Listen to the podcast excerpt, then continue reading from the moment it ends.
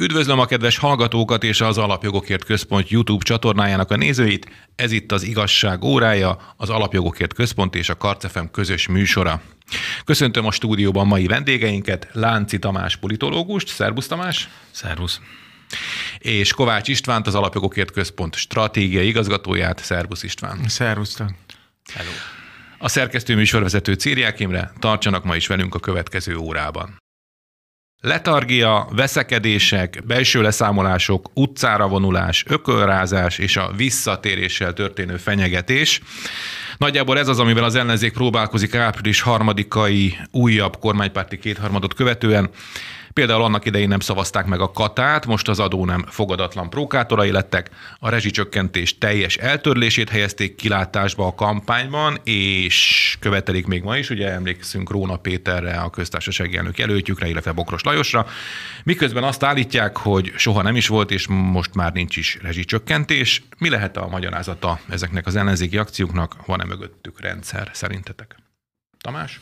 A rendszertelenség rendszere van mögötte.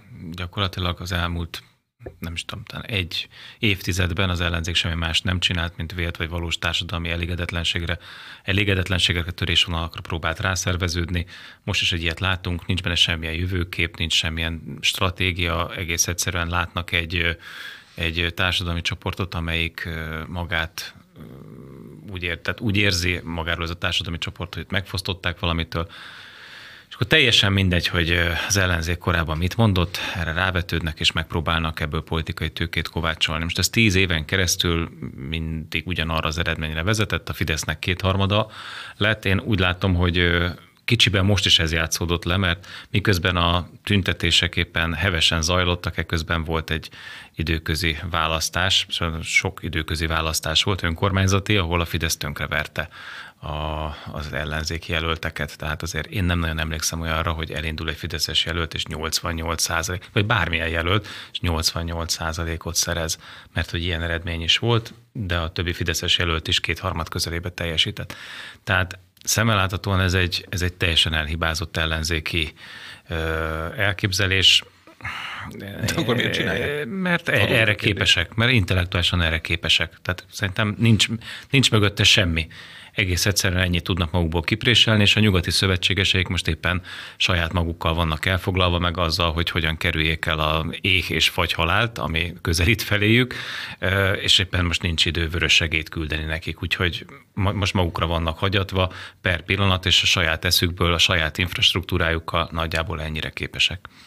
István? Hát ugye, Tamás azt mondta, hogy kicsiben most is azért szórott le, mint az elmúlt tíz évben már többször. Én ezt, hogyha szó szerint értelmezem, akkor szerintem nagyon közel vagyunk a valósághoz, mert hogy azért ennél az elmúlt tíz évben jóval nagyobb tüntetéseket is láttuk már, és még azt is azt mondtuk, hogy nem mutatja azt a hihetetlen társadalmi elégedetlenséget, ami ahhoz kell, hogy alapvetően el tudja egyik vagy másik irányba dönteni a politikát, és lám igazunk is lett, mert nem is történt fordulat az elmúlt 12 évben egyszer sem, hát ez még ezektől nagyon messze van. Tehát a, a, a néhány száz ember az sokszor túlzás. Tehát itt hétfő este a Sándor Palota előtt nem volt néhány száz ember sem, hanem túlzás nélkül több volt a, az újságíró, mint egyébként a e, civil tüntető, mert hogy a politikusok azok természetesen e, megjelentek, de hogyha megnézzük, hogy hány elégedetlen tüntető volt, mondjuk hány olyan, aki valóban ahhoz a társadalmi csoportos sorolja magát, amelyik, e, amelyik úgy érzi, hogy ő hátrányos helyzetbe került, meg hány olyan volt, aki teljesen mindegy, hogy mi történik, ő ellenzéki politikusként ki fog menni tüntetni, akkor azt látjuk, hogy a a ellenzéki politikusok és a média munkások száma az, az, az szó szerint meghaladta a tüntetőkét, és ez, ez egyáltalán nem túlzás. Tehát én azt mondom, hogy azért itt eh, azt szemlélve, hogy mi minden történik a világban körülöttünk, erről is fogunk beszélni nyilvánvalóan a mostani adásban. Fogunk. Ami itt történik, az, az, az nem éri el a viharabiliben szintjét, és az ellenzék, baloldali pártok magukról állítanak ki újabb és újabb szegénységi bizonyítványt, már tényleg annyira, annyira súlytalanok, hogy nem is feltétlenül érdemes őket komolyan venni. Hát abba gondoljunk bele, hogy az energia, a központi kérdés manapság ez a ez lett az új Covid, amihez mindenki ért egy kicsit, és mindenki erről beszél.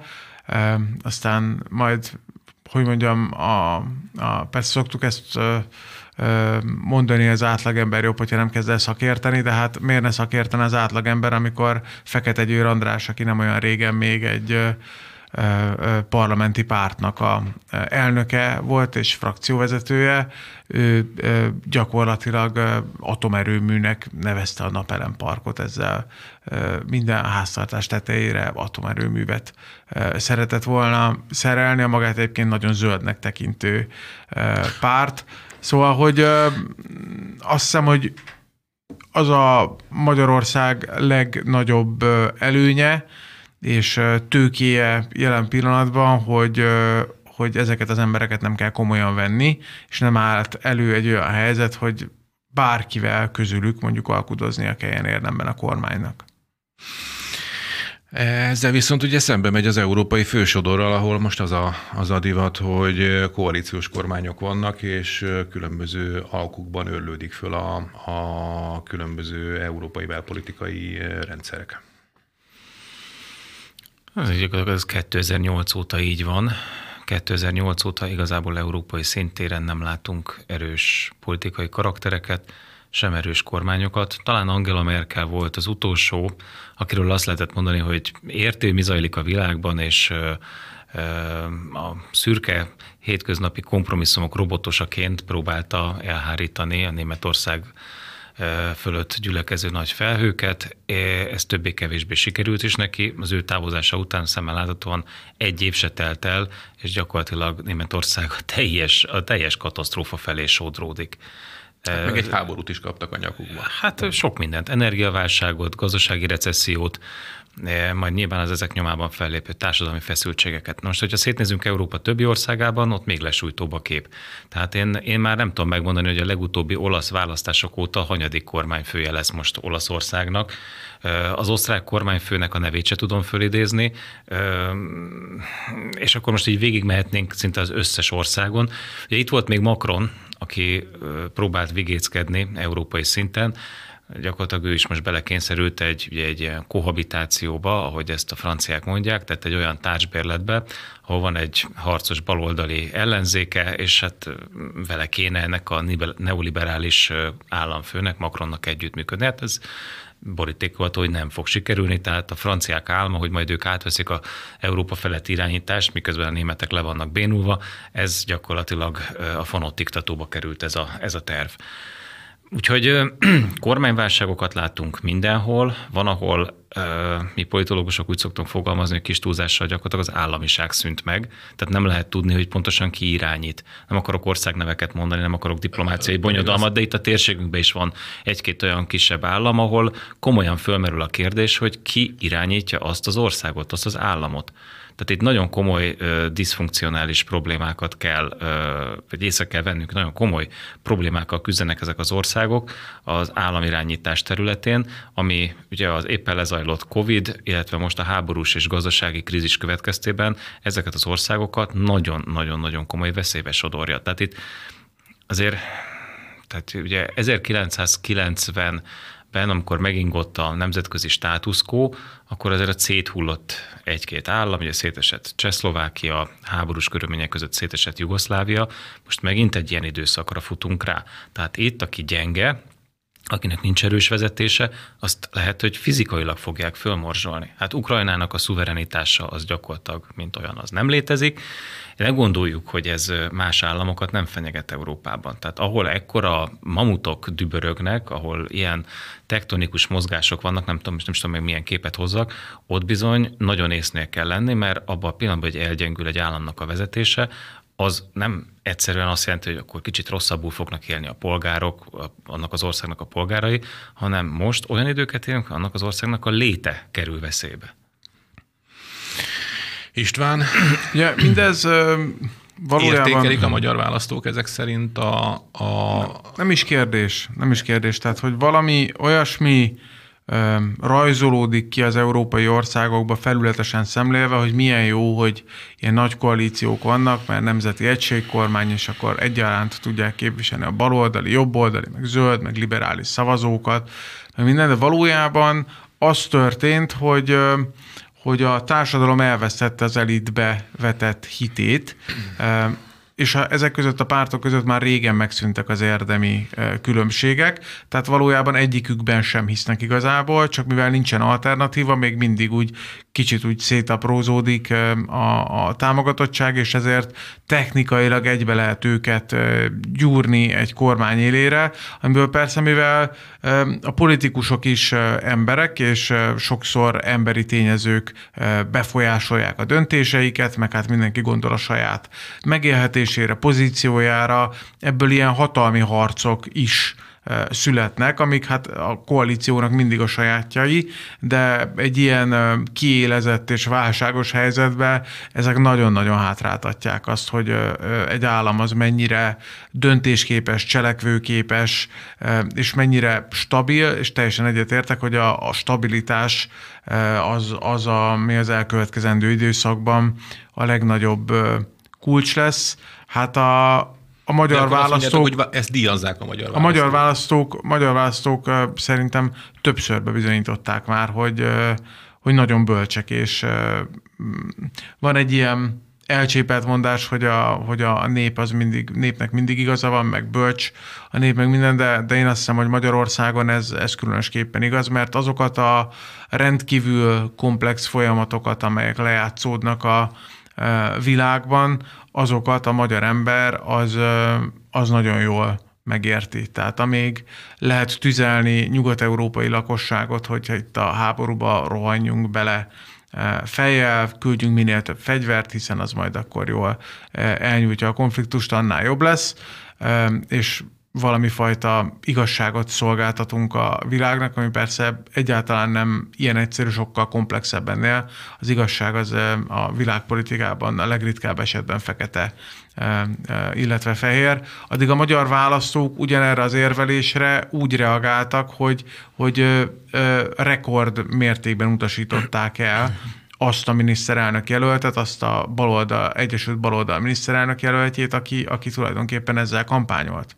Tehát Márkizaj Péter, amikor azt mondta, hogy persze, ő hogy ne küldene e, fegyvereket, az a, az a magyar lakosságban olyan szintű visszatetszést keltett, ami Nyugat-Európában a, a lakosságban nem, nem, nem ennyire egyértelműen csapódik le. E, tehát a magyar emberek e, kimerem jelenteni, hogy bölcsebbek mint a, mint a nyugat-európaiak. Az, hogy ez mire lesz elég itt az elkövetkezendő zivataros időkben, azt, azt, azt meglátjuk. Maradjunk még egy kicsit a magyar ellenzéknél. Van olyan pártelnök vagy frakcióvezető, aki nem cserélődött le az ellenzék soraiban az elmúlt, elmúlt néhány hónapban? Persze, hogy van. Ki az? Gyurcsány Ferenc. Tehát gyakorlatilag... Örök, a, Gyurcsány örök? Igen, hát ő az egyetlen álló csillag, de azért legyünk őszinték, tehát elnézve a, az új felhozatalt, tehát akár a Momentumot, akár az LMP-t, már amennyiben egy több mint 12 éves párt az újnak tekinthető. Tehát mondjuk úgy, hogy akik az elmúlt tíz évben jöttek föl, hát Gyurcsánynak a nyomába se érnek, rendkívül gyengék, tulajdonképpen mindegyik párt nagyon súlyos belső konfliktusokkal, meghasonlással küzd, egyedül hatalmi értelemben a DK szilárd.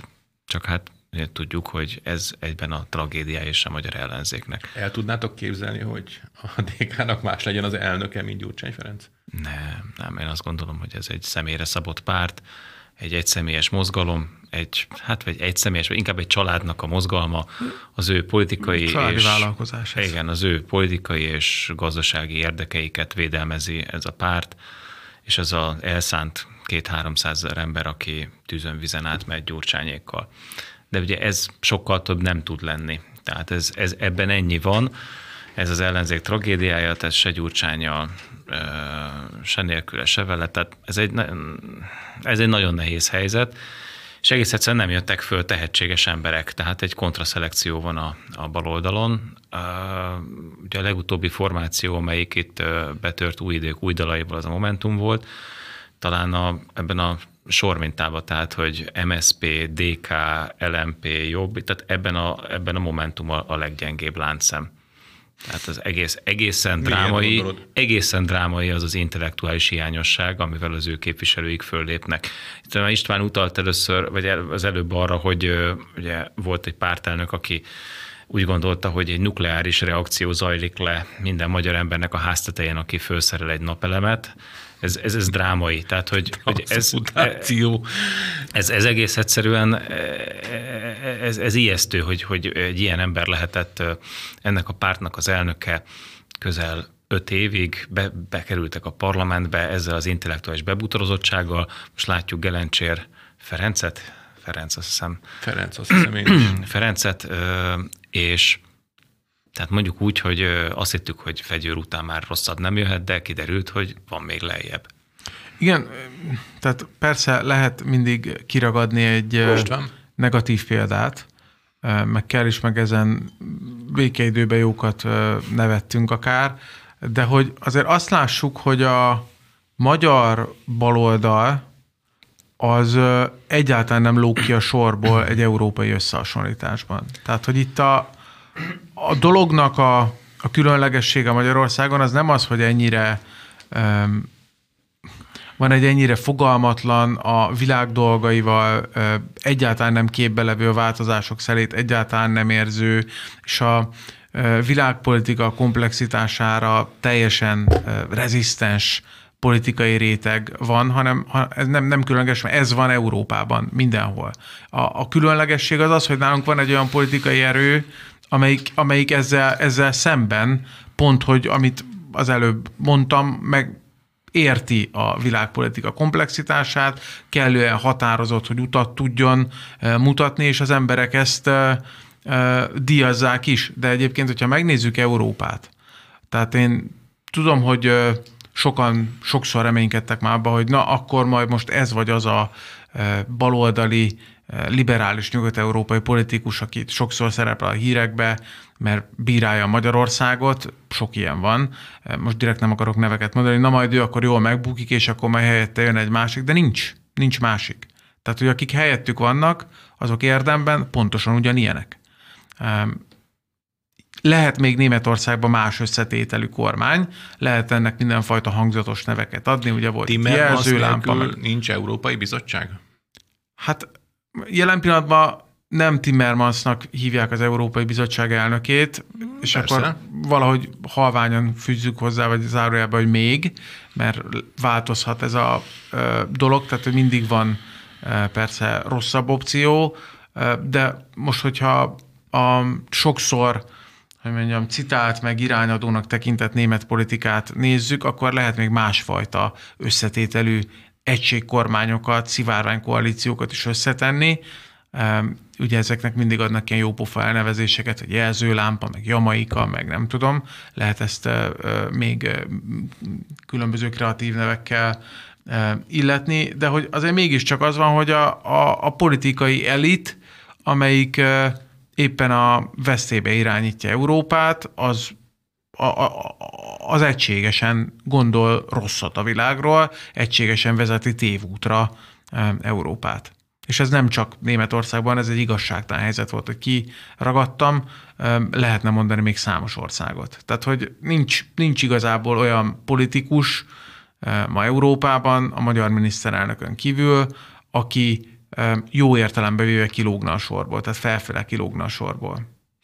Az a baj ezek szerint a, a hazai ellenzékkel, illetve az európai elittel, hogy tulajdonképpen ez nekik csak egy állás, amit csinálnak a politika, tehát nincs víziójuk a világról és, és a, a hazájukról, például mondjuk a, a magyar ellenzéknek?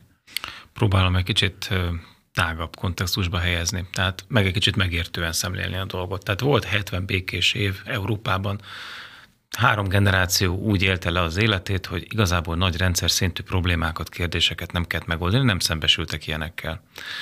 Ez törvényszerű, hogy kiter, kitermeli azokat a politikusokat, akik nem gondolnak semmit a világról, nincsenek nagy megváltó ötleteik, mert nincs is erre szükség.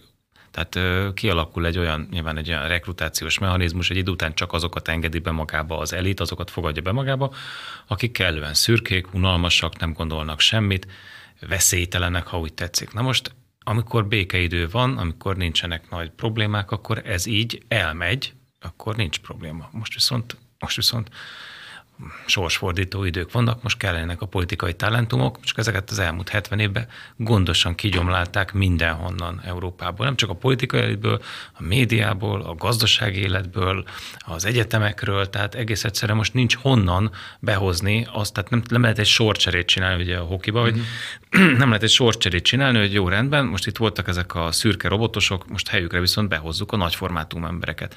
Nincsenek ilyenek. Tehát egész egyszerűen hiányoznak az európai kulturális és politikai és hatalmi térből. Itt ezért van egy vezetési válság. És mondom, nem csak politikai értelemben, hanem az élet minden területén.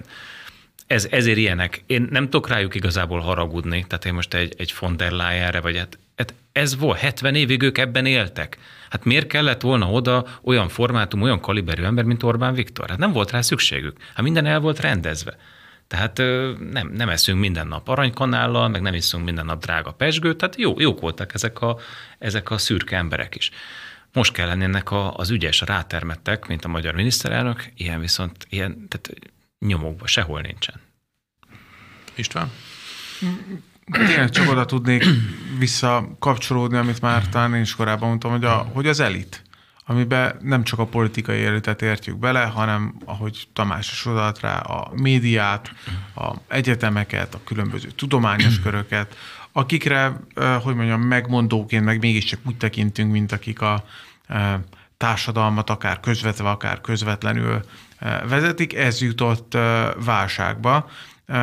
A kérdés az számomra nem az, hogy, hogy hogy ez, ez az elit ez képes-e megoldani ezeket a problémákat, mert, mert nem képes megoldani.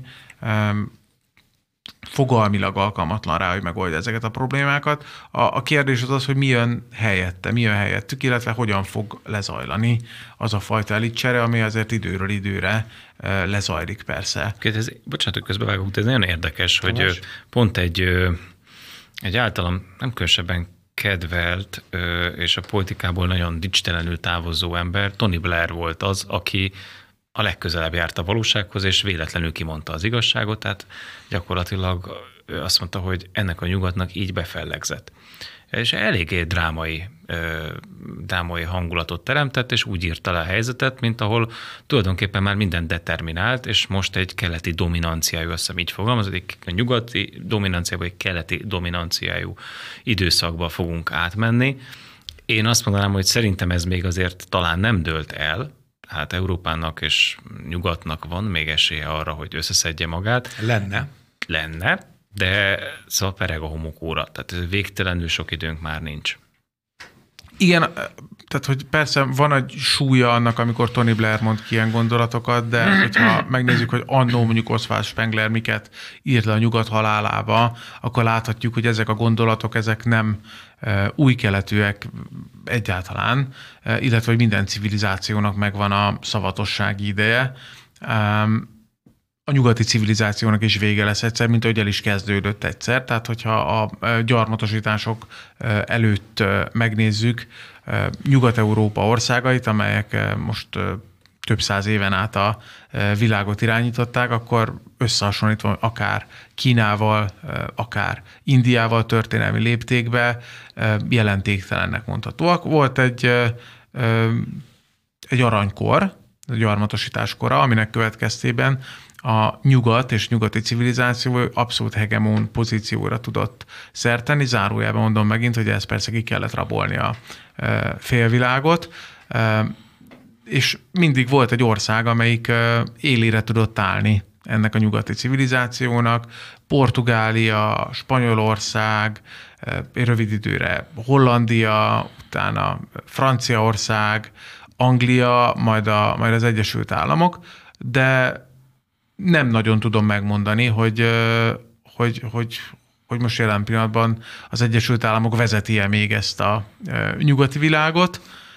Ugye a, Tehát kivezeti az Egyesült Államokat, ez is egy jó Kivezeti kérdés. az Egyesült Államokat, mert Trump politikája az pont arról szólt, hogy a világ vezetője szerepből menjünk oda-vissza, hogy legalább először rakjunk rendet a saját országunkba, majd Trump elnök megbukott, és lett helyette egy, nem is az elnökről kell beszélni szerintem, hanem az adminisztrációról, amelyik persze soha nem ment el, de szinte szabad kezet kapott azzal, hogy Joe Biden lett, a, lett az elnök, amelyik próbálja még erőltetni ezt a Amerika igenis a világ ura és a világ vezetője pozíciót, amelyik, amelyik egyáltalán nem annyira egyértelmű, mint volt akár 50 évvel ezelőtt, akár még 30 évvel ezelőtt. Meglátjuk, azért az Egyesült Államokban is választások jönnek, ugye novemberben lesz a félidős választás, amiben jelenlegi állás szerint a republikánusok visszaveszik a törvényhozásnak mind a két házát, vagy legalábbis erre van jelen pillanatban a legnagyobb esély. Ez adhat egy, egy újfajta színezetet a dolgoknak, hogyha nem fogja finanszírozni feltétlenül a Bidennek a Biden adminisztrációnak a terveit a, a, a törvényhozás, mert ezért a pénzt a kongresszus adja, akkor ez egy diplomáciai irányba lökheti el a jelenlegi adminisztrációt. Az, hogy ennek Joe Biden a vezetője jelen pillanatban, ez egy, ez egy elég szerencsétlen tényező, próbálok nagyon finoman fogalmazni, mert ő nem az a, nem az a fajta diplomata már most élete jelen szakaszába, aki energikusan élére áll egy problémának és megoldja, megoldja azt. Úgyhogy azért a, a érdemi fordulat az akkor következhet be, hogyha egyébként Trump valamikor visszajön az elnöki székbe, ami rendkívül soká van, és jelen állás szerint így elnézegetve a különböző számokat a energiával való ellátás, ellátottság területén Európának nincsen annyi ideje. Tehát a jelenlegi helyzetnek hamarabb meg kell oldódnia, nem várhatunk arra, hogy majd az Egyesült Államok fordul. Önök az igazság óráját, az Alapjogokért Központ és a Karcefem közös műsorát hallgatják, rövid szünet után folytatjuk. Folytatódik az igazság órája, az Alapjogokért Központ és a Karcefem közös műsora Lánci Tamással és Kovács Istvánnal. Én Círiák Imre vagyok. A rövid szünetben telefonon kapcsoltuk Hortai Olivért, a századvég konjunktúra kutató ZRT energia és klímapolitika üzletágának vezetőjét. Szervusz Olivér! Szervusztok, szeretettel köszöntöm a kedves hallgatókat! Azerbajdzsánból remél többletgázt az Európai Bizottság. Mi ennek a realitása, illetve mennyi orosz gázt sikerült már helyettesíteni más forrásból az Unió országainak, vezető politikusainak eddig? Általánosságban elmondható, hogy az orosz gázimport az európai piacon rövid távon nem pótolható. Eddig három olyan megállapodás vagy együttműködési kísérlet volt, amiről eh, be lehet számolni az Európai Bizottság és különböző partnerek között. Az első az Egyesült Államokkal köttetett még tavasszal. Ez arról szól, hogy idén év végéig 15 milliárd köbméter többletgázt vásárol cseppfolyósított földgázt az Európai Unió az USA-tól. Az orosz import a tavalyi évben 155 milliárd köbméter volt, tehát ez valamivel kevesebb, mint a 10%-át fedezi az importnak, és hát kérdéses, hogy az Egyesült Államok képes lesz-e leszállítani, mert az elmúlt időszakban számos műszaki problémával szembesültek a cseppfolyósítói. A második megállapodást Ursula von der Leyen, az Európai Bizottság elnök asszonya az izraeli és az egyiptomi energiaügyi miniszterekkel kötötte, kötötte. Ez két milliárd köbméterre vonatkozik, és most a héten egy úgynevezett egyetértési megállapodást kötött a bizottság Azerbajdzsánnal. Ez arról szól, hogy 2027-ig a jelenlegi körülbelül 10 milliárd köbméteres éves azeri importot 20 milliárd köbméterre emelné a két ország, és, a, és az Európai Unió és Azerbajdzsán támogatja ezt a törekvést. Erre a konkrét intézkedésre vonatkozóan alapvetően három kérdőjel van, vagy három olyan korlát, amit le kell küzdeni annak érdekében, hogy az import növekedhessen. Egyrészt Azerbajdzsánnak növelnie kell a kitermelési kapacitásait. Ezt ilyen időtávon, tehát 2027-ig én reálisnak gondolom, már csak azért is, mert a jelenlegi piaci környezet motiválja az azerieket, hogy növeljék a kapacitásaikat. A másik a szállító kapacitás. Itt infrastruktúrális beruházásokra lesz szükség, amit az Európai Unió az, új, az egyik új csomagjából finanszírozna. Tehát talán ennek is ilyen közép-hosszú távon lehet realitása. A harmadik pedig, hogy ténylegesen az azeriek az EU-nak fogják-e eladni a többlet kapacitásukat, ez egyáltalán nem biztos. Hogy ez még csak egy egyetértési megállapodás konkrét mennyiségi kötelezettségekről nincs benne szó, úgyhogy, úgyhogy ez is egy újabb kérdőjel, de általánosságban azt mondhatjuk, hogy, hogy ebben a pillanatban a kérdés az az, hogy az Európai Uniónak a következő fűtési időszakban lesz-e megfelelő mennyiségű gáz ahhoz, hogy az igényeit elláthassa. Ezen a, ezen a problémán a 2027-ig tartó egyetértési megállapodás nem fog segíteni. Oliver, azt, mondta, az, azt mondtad, hogy az a kérdés, hogy lesz-e elég gáz az Európai Unióban az idei fűtészezonban, de ez, ez inkább egy retorikai fordulat, nem? Mert hogy vagy van olyan, van olyan szenárió, amiben, amiben ö, ö, lesz elég gáz? Még egyszer, tehát hogy van olyan szenárió, amiben lesz igen, elég gáz? Igen. Igen, olyan van. Tehát a, ebben a pillanatban a nagy kérdés, hogy mi lesz a, az északi áramlat egy e, gázvezeték karbantartását követően holnap végződik, végződnek a munkálatok. Jelenleg ezen a vezetéken keresztül nem folyik gáz az EU-ba, és korábban is a karbantartási munkálatok megkezdése előtti körülbelül egy hónapban korlátozott mennyiséget szállítottak az oroszok egy technikai hibára hivatkozva. Hogyha az északi áramlat egyen keresztül helyreállnának a szállítások, és hogyha Oroszország továbbra is küldene annyi gázt az EU-nak, mint amennyit az előző években, akkor, akkor nagy eséllyel sikerülne feltölteni az egyes tagállamoknak a gáztárolóikat, és utána a fűtési szezonban is elláthatnák a lakosságot. A probléma az az, hogy erre viszonylag kicsi az esély. Én a legnagyobb esélyt arra látom, hogy az elmúlt, tehát a karbantartás előtti hetekhez hasonlóan egy korlátozott mennyiségű szállítást fognak az oroszok visszaállítani, eh, aminek az lesz a következménye, hogy a tagállamok szétszakadnak, lesznek olyan tagállamok, amik az elmúlt időszakban felelős energiapolitikát folytattak, megbízható szerződéseket kötöttek, és képesek lesznek föltölteni a tárolóikat.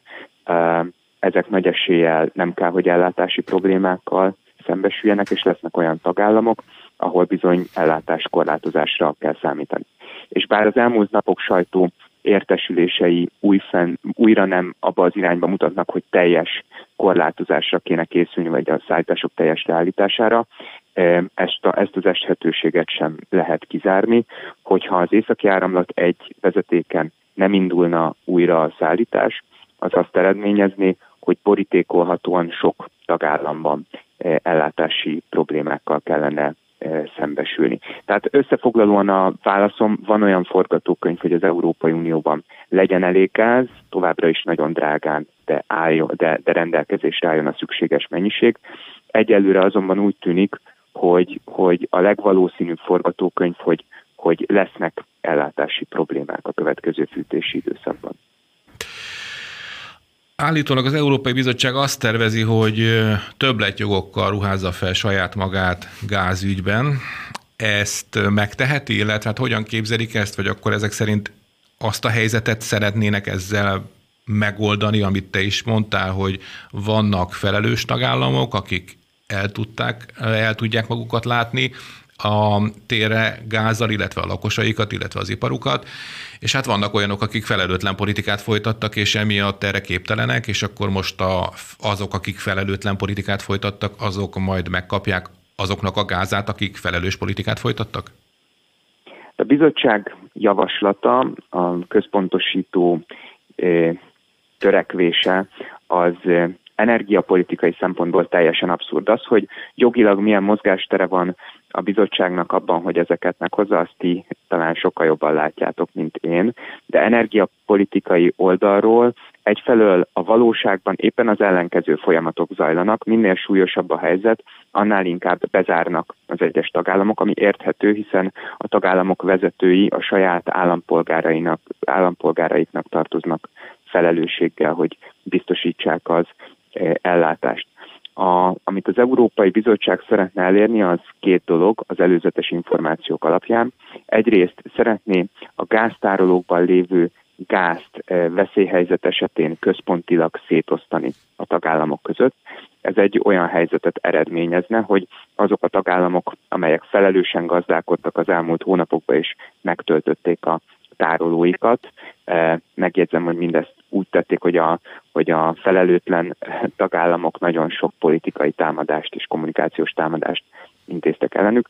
Ezek a saját állampolgáraik biztonságának a veszélyeztetése árán is el kellene, hogy lássák a felelőtlenül gazdálkodó tagállamokat. A másik törekvése az Európai Bizottságnak, ami talán még abszurdabb, hogy központilag előírhatná a tagállamoknak egy ilyen veszélyhelyzet esetén, hogy csökkentsék a fogyasztásukat. Az előzetes sajtó hírek azok 5-20 százalékos csökkentésről szólnak, alig ha nem ma okosabbak lehetünk, mert ma teszi le az asztalra a bizottság ezeket a javaslatait, de hát ez nagyon sok sebből vérzik. Tehát az elmúlt hónapokban az Európai Bizottság volt lényegében az energiaszállításokat érintő szankciók motorja.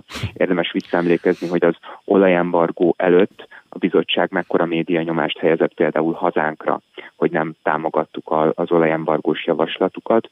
Még mindig a hetedik szankciós csomagon és a gázembargón dolgoznak, tehát a, a bizottságnak nagyon nagy szerepe van abba, hogy az európai energiapiacon egy olyan súlyos helyzet alakulhatott ki, mint amivel most a tagállami vezetőknek meg kell küzdeniük. Tehát alig, hanem nem túl hiteles szereplő a bizottsága az ellátásbiztonsági törekvésekbe, hiszen részben ő kormányozta ide a, a, a közösséget, és hát felvett technikai problémákat is, felvett jogi problémákat is. Az Európai Bizottságot senki sem hatalmazta fel arra, hogy döntsön egy tagállam, egy vállalat vagy egy háztartás eh, energiafogyasztásáról. Tehát általánosságban ezt a javaslatot, amennyit lehet belőle egyelőre ismerni, abszurdnak tartom.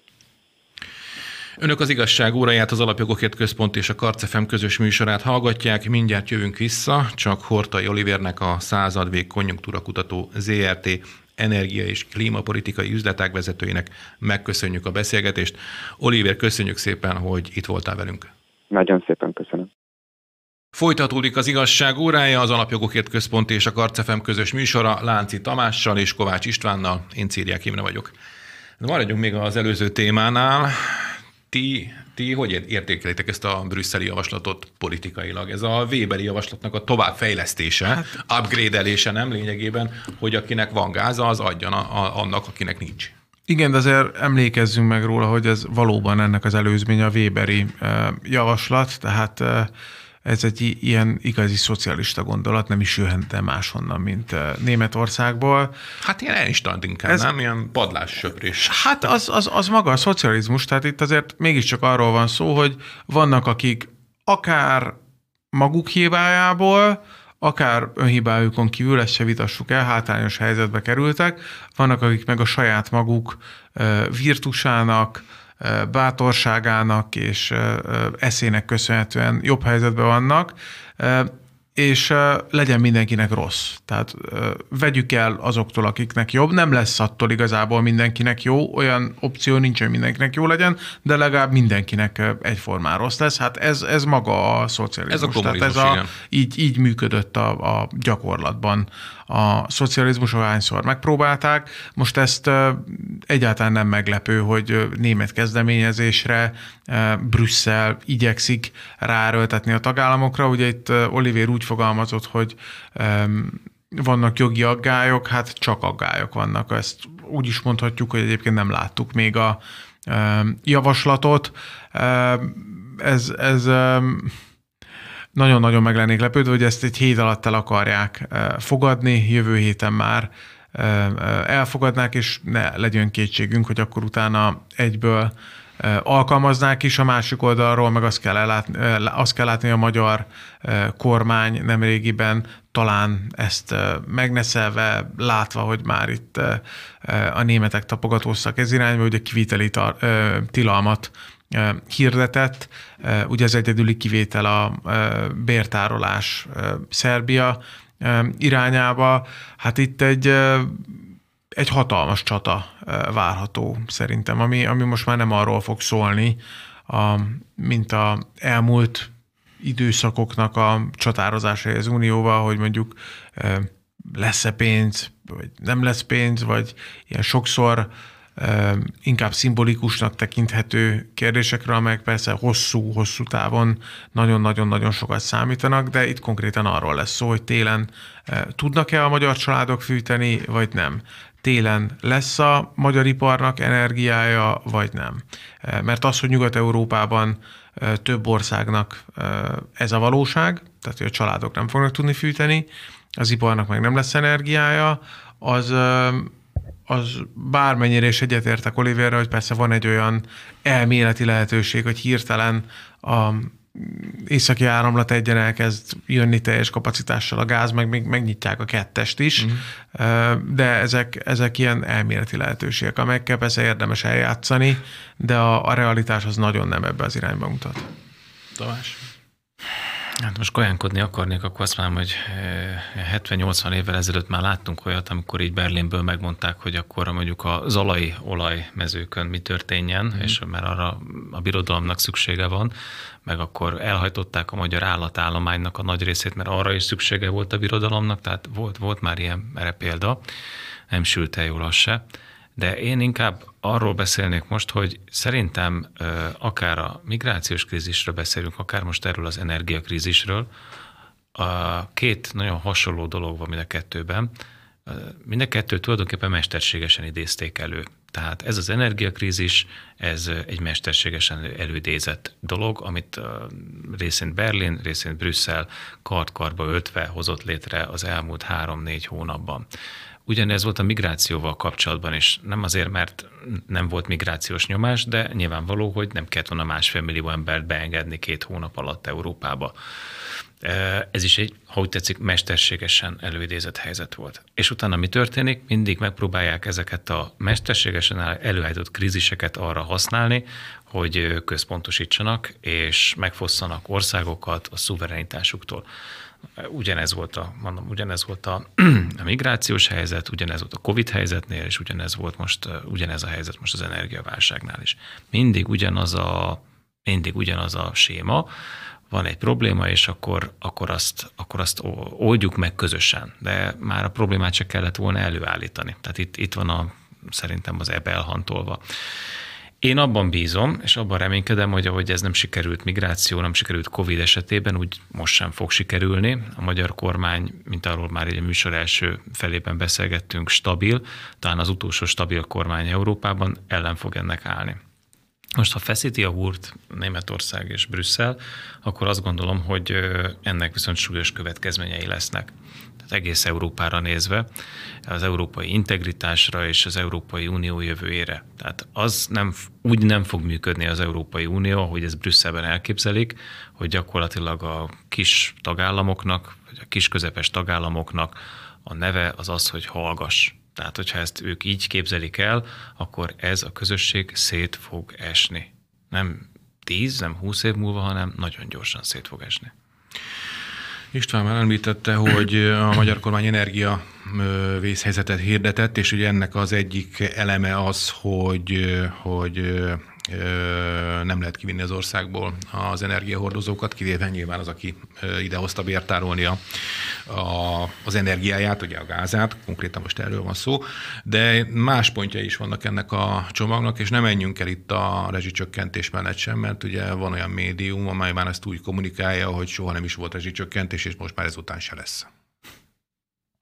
Hát, hogy nehéz azzal a helyzettel mit kezdeni, hogy van a bal oldalon egy olyan uralkodó vélemény, média politikusok, megmondó emberek, különböző NGO-k, ez ugye egységesen a baloldal, tehát már a határok ezen nagyon elmosódtak, amelyik más se csinált az elmúlt évtizedben, kis túlzással csak azt szajkózta, hogy a rezsicsökkentés hazugság, a rezsicsökkentés népbutítás, a rezsicsökkentésre nincs szükség, a rezsicsökkentés az a populizmusnak a ne továbbja, és a többi, és a többi.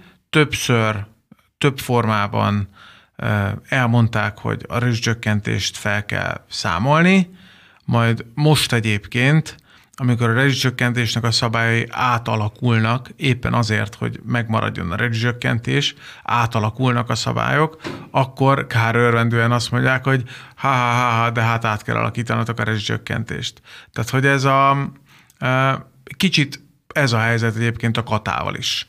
Tehát, hogy az a, az a baloldal, amelyik végig ellenezte ennek az adónemnek a bevezetését, amelyik rossz megoldásnak tartotta, és amelyik soha egyetlen egy pozitívumot nem mondott ennek kapcsán, az most hirtelen megpróbálja azt mondani, hogy de hát itt a világ vége van, azért meg kivezetésre kerül ez az adó nem.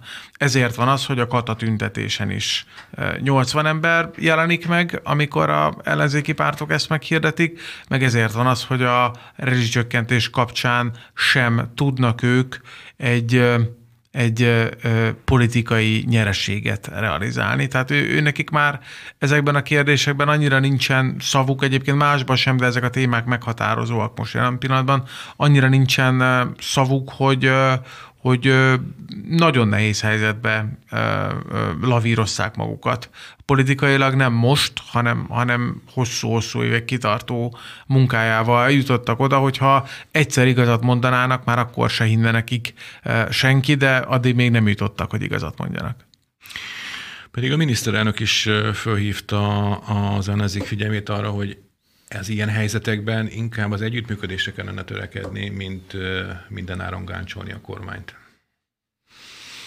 Hát megint legyünk egy pillanatra megértőek, szóval amikor ilyen súlyos a helyzet, mint, mint most, akkor nincs könnyű helyzetben az ellenzék, mert vagy támogatólag lép föl a kormány mellett, de akkor ugye az emberek, szavazóik azt fogják mondani, hogy mi szükségünk erre az ellenzékre, hogyha beáll a kormány mögé, ha meg szembe megy vele, akkor meg szintén társadalmi ellenállással találja magát szembe az ellenzék, hiszen azt fogják mondani, hogy megbontja az egységet akkor, amikor, amikor egyébként erre lenne szükség. Tehát ez nem egy könnyű helyzet.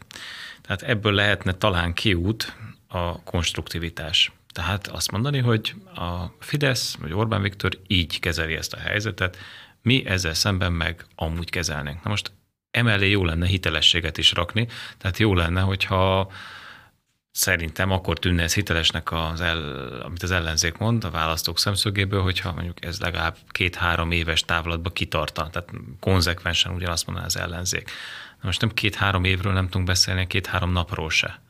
Tehát én, én, én, én azt látom, hogy még ebben a, tehát nem, persze fragmentálódott az ellenzék, rettető sok párt van, azok össze-vissza beszélnek, de még pár, ezeken a törpe pártokon belül is egymásnak ellent mondanak. Szóval tehát egészen, egészen elképesztő kakofónia az, ami ott látható. Nincs mit csodálkozni, hogy a legtámogatottabb párt, a DK és a legfrissebb kutatások szerint, ha jól láttam, 5%-on áll. 5 százalék? Ha jól láttam, akkor 5 százalékot. Az a bejutási küszöb. Igen, és ők a legnépszerűbbek. Tehát, de hát mondom, a hétvégi önkormányzati időközi választásoknak az eredménye azért ezt fényesen tükrözi. Tehát gyakorlatilag gyakorlatilag én, én ilyen eredményeket nem nagyon láttam még. Tehát a magyar embereknek erre az ellenzékre nincs szüksége. Ennyi fért ma az igazság órájába, az Alapjogokért Központ és a Kartefem közös műsorába. Köszönjük a beszélgetést mai vendégeinknek, Lánci Tamás politológusnak és Kovács Istvánnak, az Alapjogokért Központ stratégiai igazgatójának. Köszönjük szépen. Köszönjük szépen. Megköszöni a figyelmüket a szerkesztő műsorvezető Círiák Imre is, hallgatóinknak és nézőinknek pedig köszönjük a megtisztelő figyelmet. Az adás elkészítésében Kancler Csaba és Göbjös Tamás kollégám működött közre. Köszönjük nekik a segítséget, és várjuk Önöket egy hét múlva a viszonthallásra, a viszontlátásra.